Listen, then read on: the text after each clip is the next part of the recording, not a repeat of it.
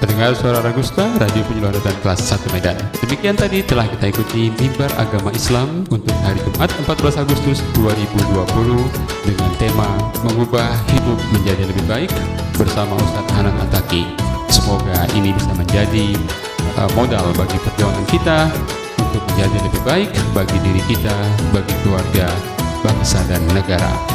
Dalam kesempatan ini kita juga mengucapkan Dirgahayu Republik Indonesia ke-75 Indonesia Maju. Wabillahi taufiq wal hidayah. Assalamualaikum warahmatullahi wabarakatuh.